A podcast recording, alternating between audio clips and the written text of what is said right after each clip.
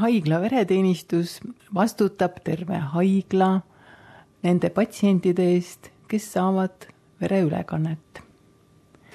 et meie nii hoiame verekomponente oma külmikutes, väljastame neid osakondadele, tellime verekeskustest ja põhiline tegevus on ikkagi koolitustegevus, personalikoolitus, et nad kogu seda vereülekande protseduuri oskaksid teostada.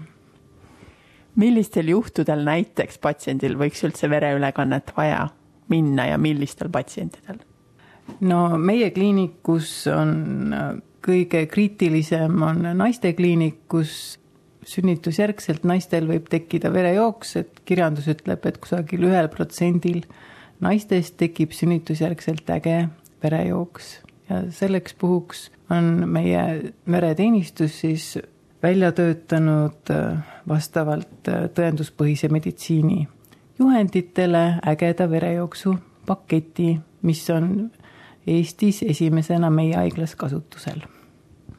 mis on mõned teised näited, kus vereülekannet oleks vaja teostada? on kirurgiliste protseduuride või operatsioonide ajal tekkinud äge verejooks ja no üldse ägeda verejooksu korral.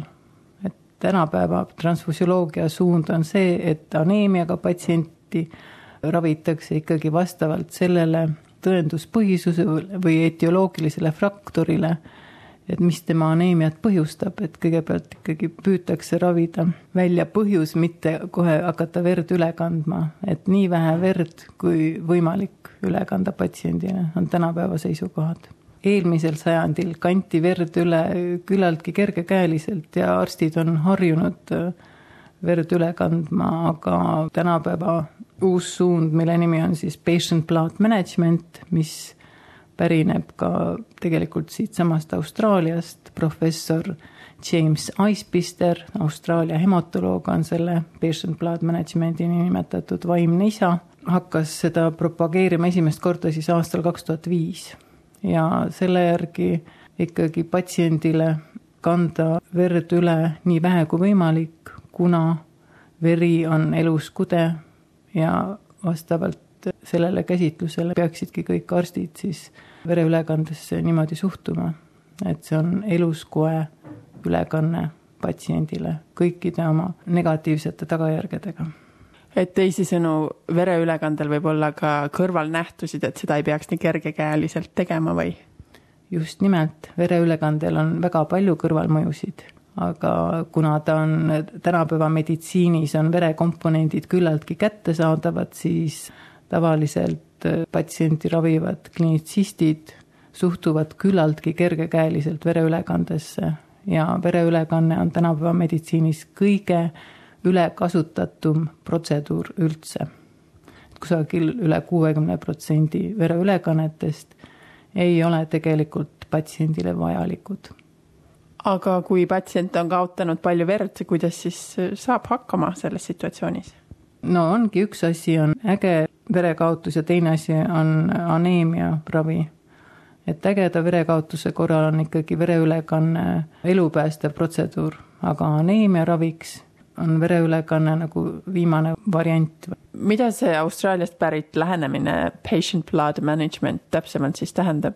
no patient blood management tähendab seda, et tuleb juhtida patsiendi enda verd. kõigepealt et kui ta läheb operatsioonile, näiteks plaanilise operatsioonile, et enne operatsiooni kindlasti määrata kusagil kuu aega enne operatsiooni tema hemoglobiin, kui see on madal, siis ravida seda aneemiat, et ta tuleks juba operatsioonile normaalse hemoglobiini näiduga.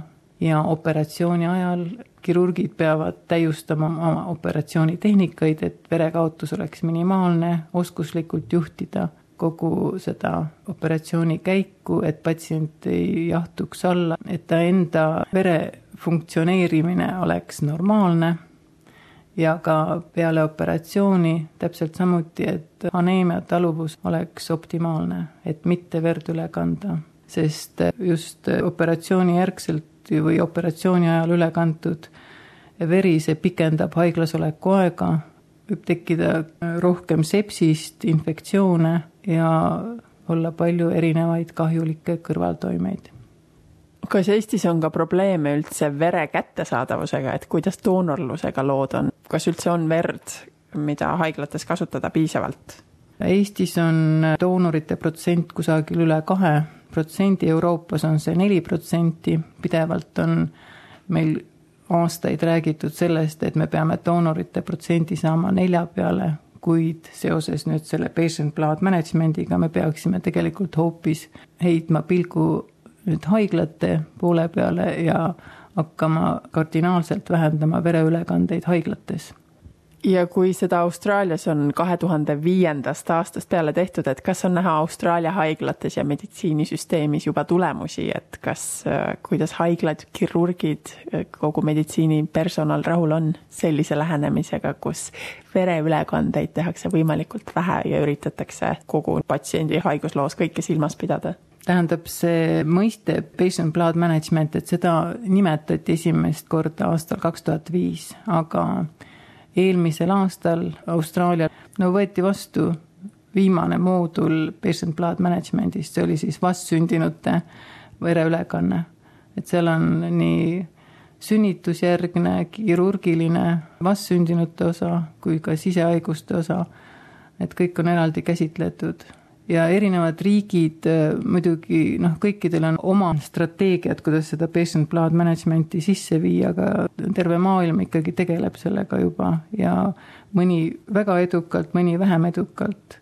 ja nende vähem edukate hulgas ma julgeksin öelda, on siis Eesti Vabariik, aga me püüame ka Eestis juurutada neid patient blood management'i ideid ja kindlasti propageerida seda vereülekannete arvu vähendamist. kes sellisest patient blood management'ist lisaks patsientidele veel võidavad, lisaks patsientidele, kellel siis ei teki kõrvalnähtusid seoses inimkoe ülekandmisega?